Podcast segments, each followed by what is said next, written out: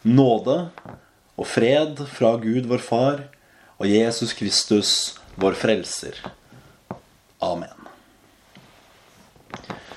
Vi har nå i kirkeåret kommet til det som er et uh, hvileskjær i fastetiden. Det som kalles Maria budskapsdag. Den dagen hvor vi minnes at uh, engelen Gabriel kom med budskapet om at Jesus Kristus skulle bli født, til jomfru Maria. Og vi befinner oss i uh, det som kalles bibeltekstenes første rekke. Da er det faktisk selve teksten om budskapet til Maria som er evangelietekst. Og vi leser det hellige evangelium fra evangelisten Lukas i det første kapittel.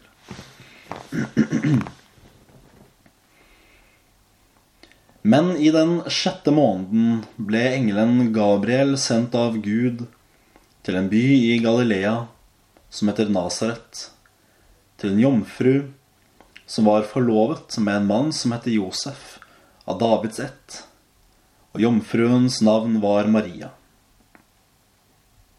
Engelen kom inn til henne og sa, Vær hilset, du som har fått nåde.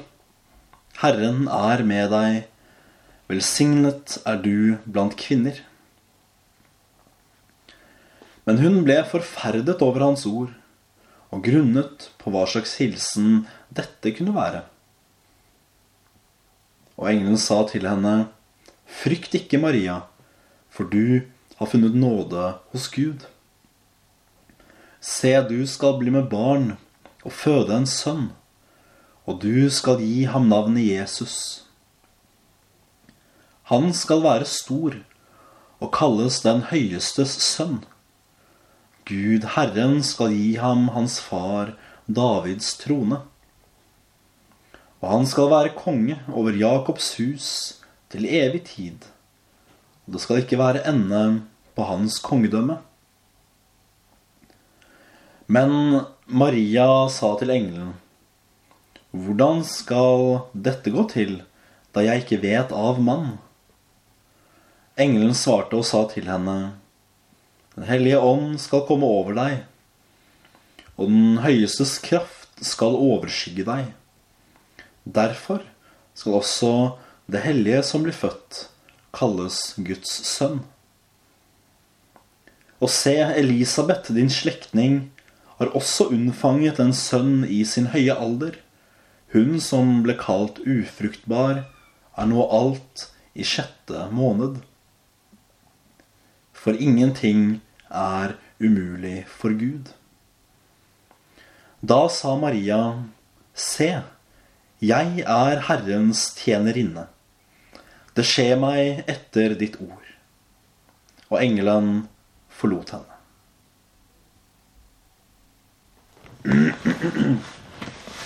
Slik lyder det hellige evangelium.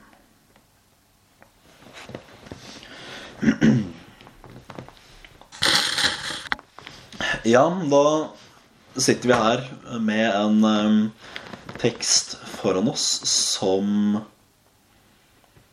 er ikke bare et, et godt stykke. Den er jo faktisk ganske lang. Men den er også uovertruffent rik. Og her er det ting som jeg kunne gått inn i og altså gravd og gravd og gravd og utforsket og tatt liksom én setning og gått inn i den og brukt kanskje en halvtime på å bare utlegge og utbrodere hva dette skal bety. Men så godt har jeg ikke forberedt meg. Og skulle jeg gjort det, så kunne kanskje det vært interessant nok for et foredrag eller en bibeltime. Men når det kommer til denne søndagens preken her, så må vi jo begynne et sted. Og da er det naturlig og godt å denne søndagen kunne begynne med å se litt ekstra på jomfru Maria. For hvem var egentlig denne kvinnen som skulle føde han som er verdens frelser? Og i vår protestantiske tradisjon, i vår evangelisk-lutherske kirke, så har Maria det man vil kalle litt varierende status. Og spørsmålet som har vært med den kristne kirke helt siden begynnelsen, er jo altså skal Maria æres på en spesiell måte? Hva er hennes rolle i frelseshistorien? Eller skal hun glemmes som bare en, en annen kvinne blant mange? Hvordan skal vi forholde oss til ord som Herren er, Herren er med deg. Velsignet er du iblant kvinner. Eller ord som du som har fått nåde. Eller som vi leste i vers 30. For du har funnet nåde hos Gud. Og den type ting. Og da tenker jeg at det kan passe seg med noen ord om Marias posisjon i kirken som den har vært gjennom århundrene og årtusenene. For jeg tenker og er helt overbevist om at Maria er en helt spesiell kvinne. Vi skal ha stor respekt, takknemlighet for Maria, og hun skal absolutt æres. Men med det så er ikke alt sagt. For det som har oppstått i kirkens historie på ulike tidspunkter, det er det, det man gjerne kaller for Maria-dogmer. Ting som at Maria var ubesmittet av arvesynden. Andre ting som at um, Maria ikke døde men at man, eh, man, fant opp en dag som kaltes for Maria himmelfart. Hvor man da utviklet et dogme om at Maria som Kristus for opp til himmelen.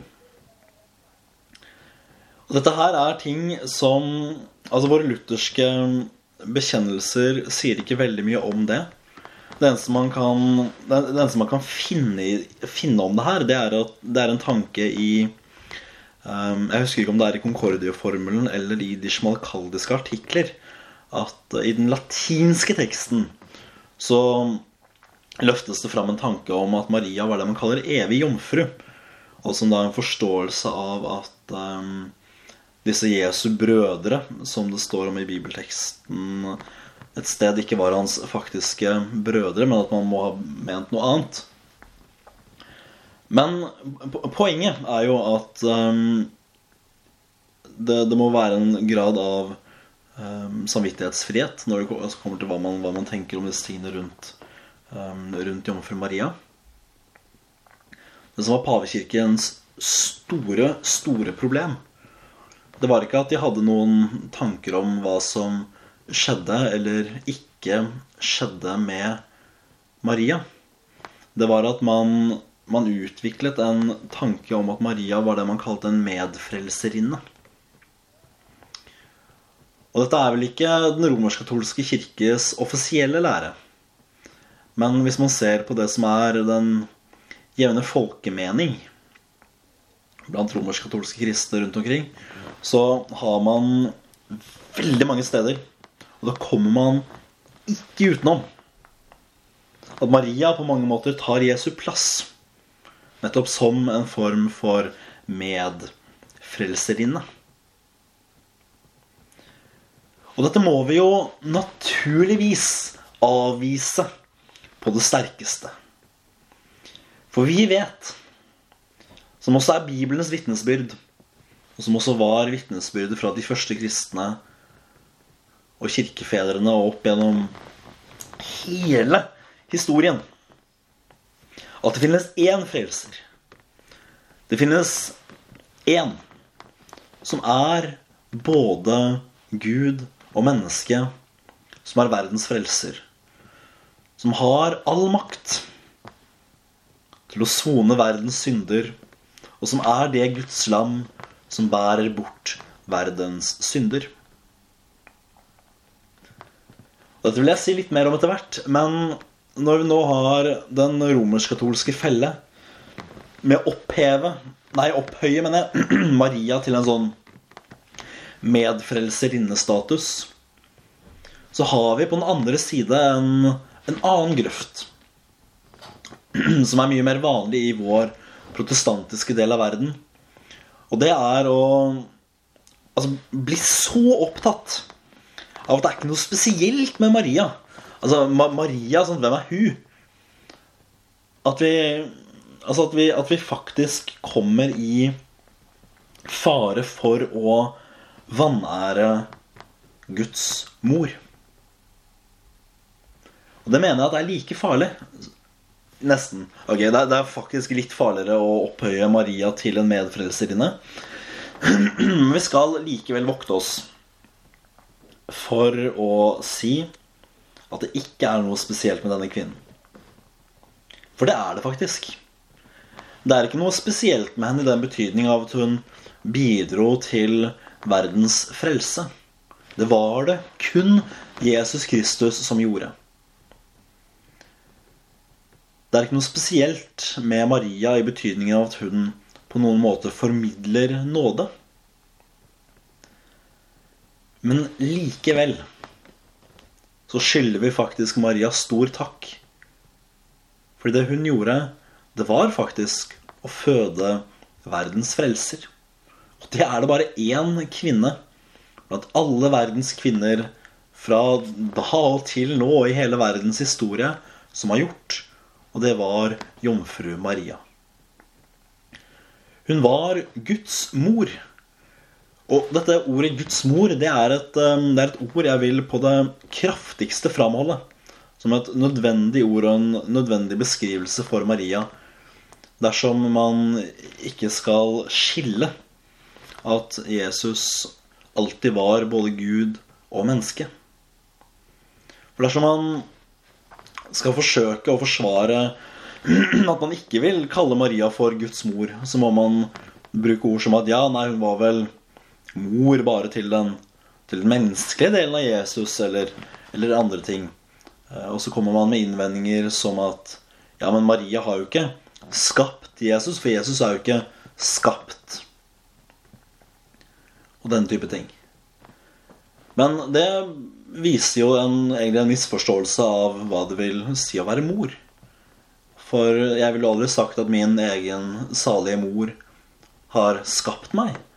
Men hun er min mor i kraft av å ha født meg.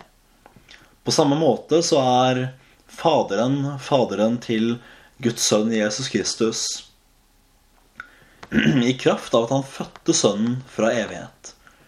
Og på samme måte kan vi si at Maria er Guds mor og Jesu mor, som vi ikke blander sammen og heller ikke skiller. Jesus Kristus er Jesus Kristus, både Gud og menneske. Hun er hans mor i kraft av at hun fødte han, enkelt og greit. Og nettopp dette er som sagt det vi skal ære og takke Maria for at hun har gjort. Nei, vi skal stoppe der. Vi skal ikke tro at Maria kan formidle noe for oss. Vi skal ikke tro at hun kan høre oss, eller at vi skal be for henne. Eh, be til henne. Om hun kunne hørt oss på samme måte som andre helgener, så skal vi heller ikke nødvendigvis tro at de vil svare oss. Eller at de har makten til å svare oss. Fordi vi har, som Den hellige skrift snakker om, én mellommann mellom Gud og mennesker. Og det er Jesus Kristus. Og at Jesus Kristus er denne mellommannen.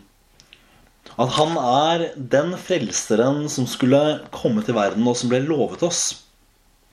Det finner vi utlagt i engelens hilsen til Maria. Her leser vi ting som at først så sier jo engelen 'Vær hilset, du som har fått nåde, Herren er med deg. Velsignet er du blant kvinner'. Maria blir naturligvis forferdet og lurer på ok, hva som skjer nå. Her kommer det en engel. Og som vi ser, så sier engelen 'Frykt ikke, Maria, for du har funnet nåde hos Gud'. Jeg har aldri møtt en engel, men hvis man ser når engler møter folk, så sier de alltid 'frykt ikke'. Og det tror jeg det faktisk er en grunn til. Fordi engler altså, Ja, vi, vi, vi, kan regne med at det er en grunn til at engler sier 'frykt ikke', fordi det er voldsomt å møte en engel.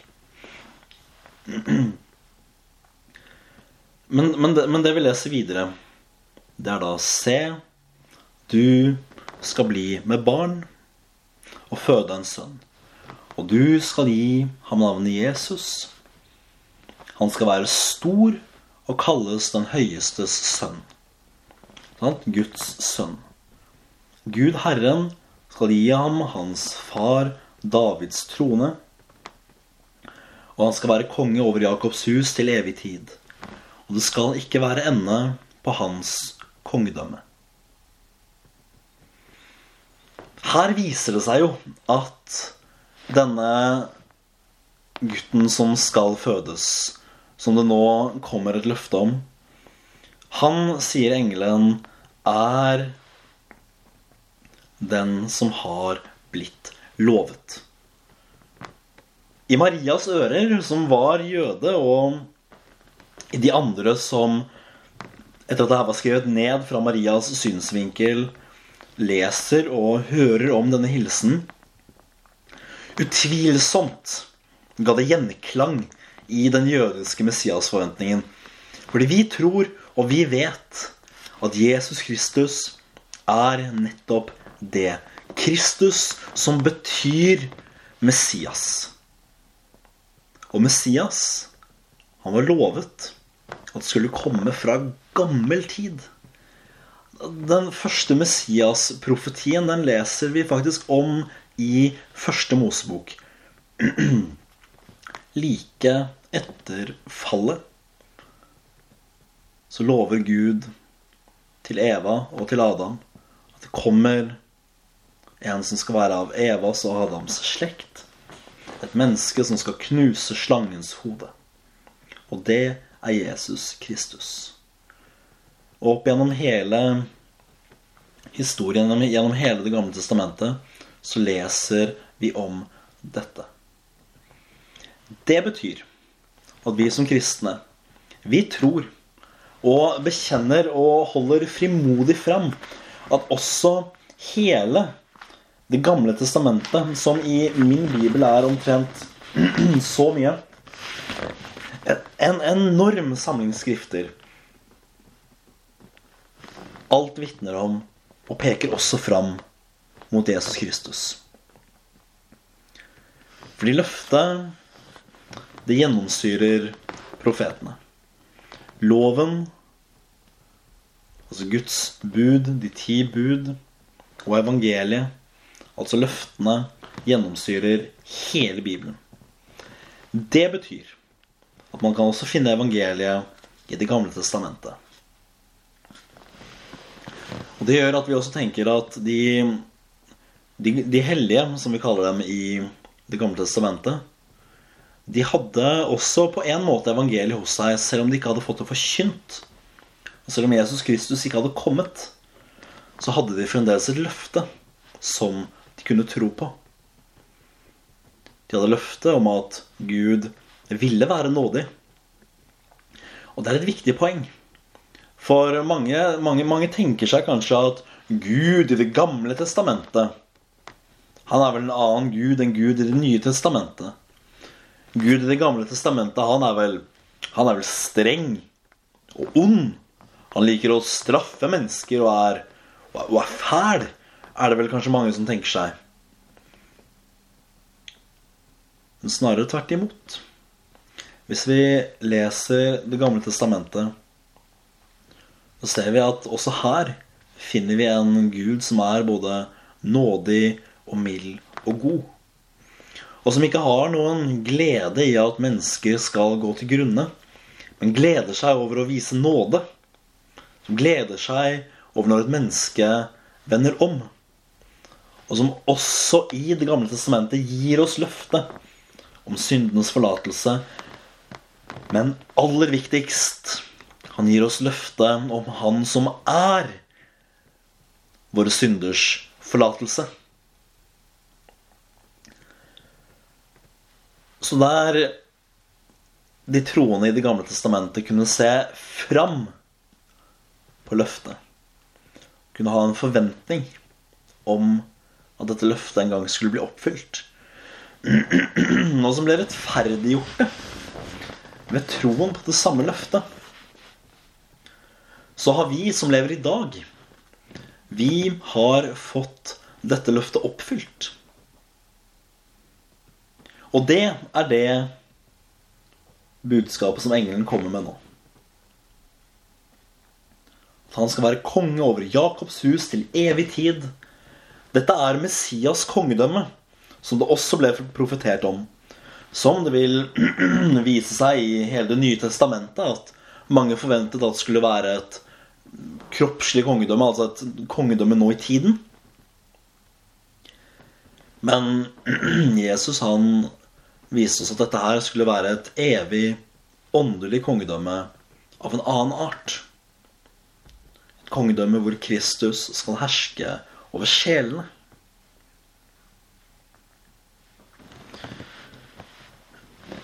Men Maria hun sliter naturligvis med å forstå hvordan hun skal forholde seg til dette her. Altså Hun undrer seg først over hva slags hilsen dette her kan være. Og videre etter det så videre, videre, etter det så skjønner hun ikke hvordan det skal gå til, for hun er, hun er ung og ugift og har ennå ikke vært sammen med sin mann. Og her kommer jo da naturligvis den hellige unnfangelsen inn i bildet. Som gjør at vi kan si, og som gjør at vi kan bekjenne, at Jesus Kristus er sann Gud og sant menneske. Nettopp fordi han er unnfanget ikke ved, hellige, ikke, ikke, ikke ved et menneske, ikke ved en mann, men ved Den hellige ånd. Dette er det som kalles jomfrufødselen. Dette er viktig. Dette må tros. Dette må tros. For den som bekjenner, eller den som tror at Jesus Kristus ble født med en manns innvirkning Han kan gjerne holde Jesus som en morallærer eller andre ting, men han er ikke en kristen. Fordi at Jesus Kristus er sann Gud og sant menneske, det er av den største viktighet og betydning. Men hvorfor er dette så viktig, lurer du kanskje på. Det handler nettopp om at Jesus skal være verdens frelser. For dersom Jesus Kristus ikke er Gud, så kunne han kanskje nettopp være en, en um, filosof, et forbilde eller andre ting. Men frelser kunne han ikke være. Fordi vi lærer det at for at Jesus Kristus skulle kunne frelse oss, så måtte han være både Gud og menneske. Han måtte være menneske for å kunne gå inn i vårt sted. Fordi bare et menneske kunne ta på seg straffen for alle de synder som du og jeg som mennesker har gjort. Det er vi som er mennesker. Det er vi som har syndet mot Guds bud. Det er vi som lever i opprør mot hans vilje. Det er vi som bærer straffen og ansvaret.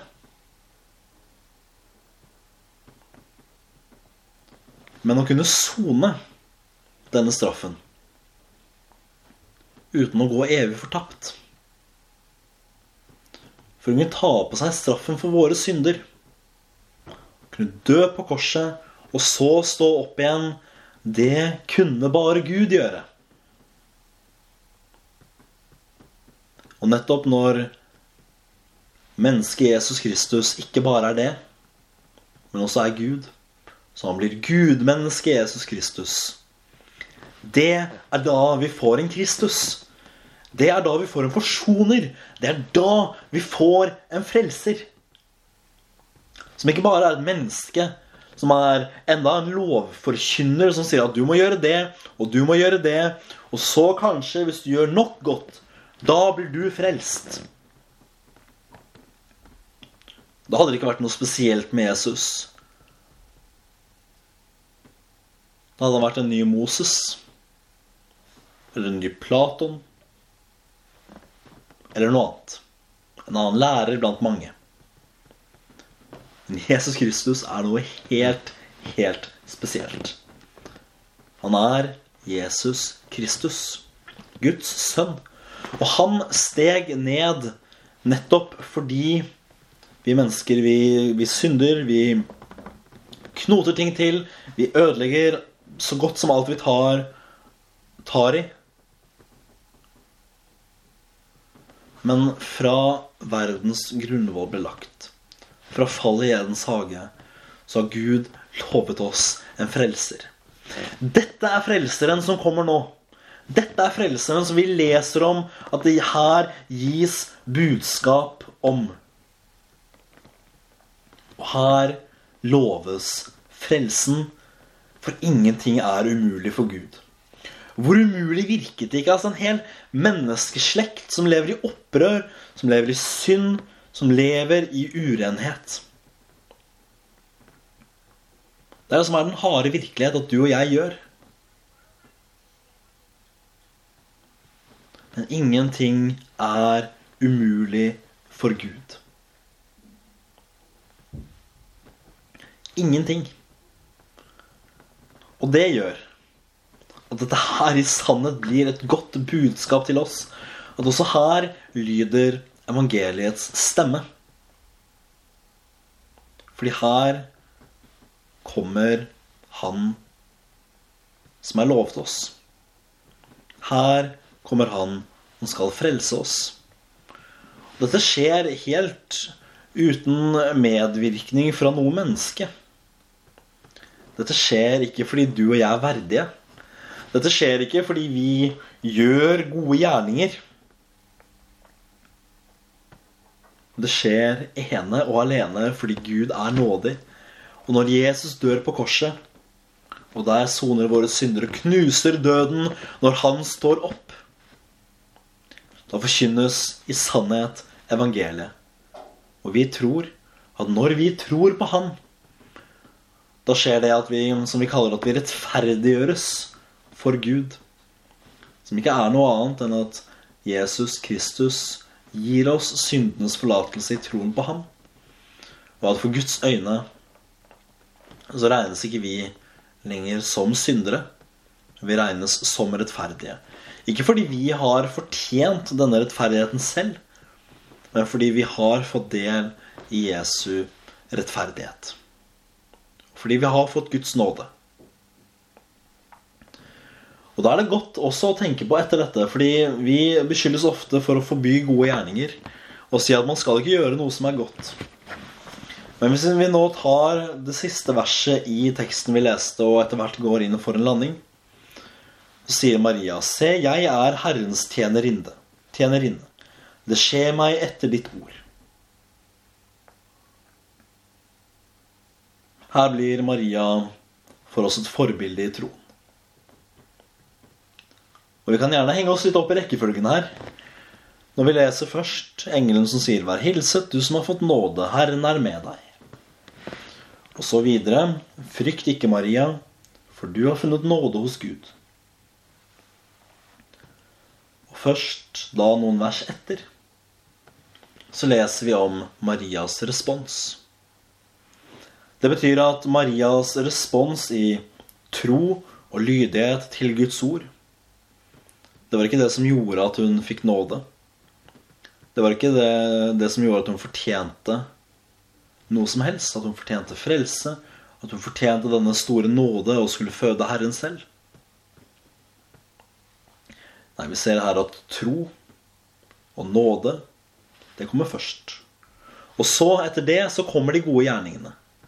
Nettopp disse som springer ut av en troendes liv. Som er naturlige og nødvendige, men som på ingen måte gjør at vi fortjener frelsen.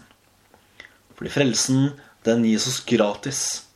Ene og alene i troen på Jesus Kristus.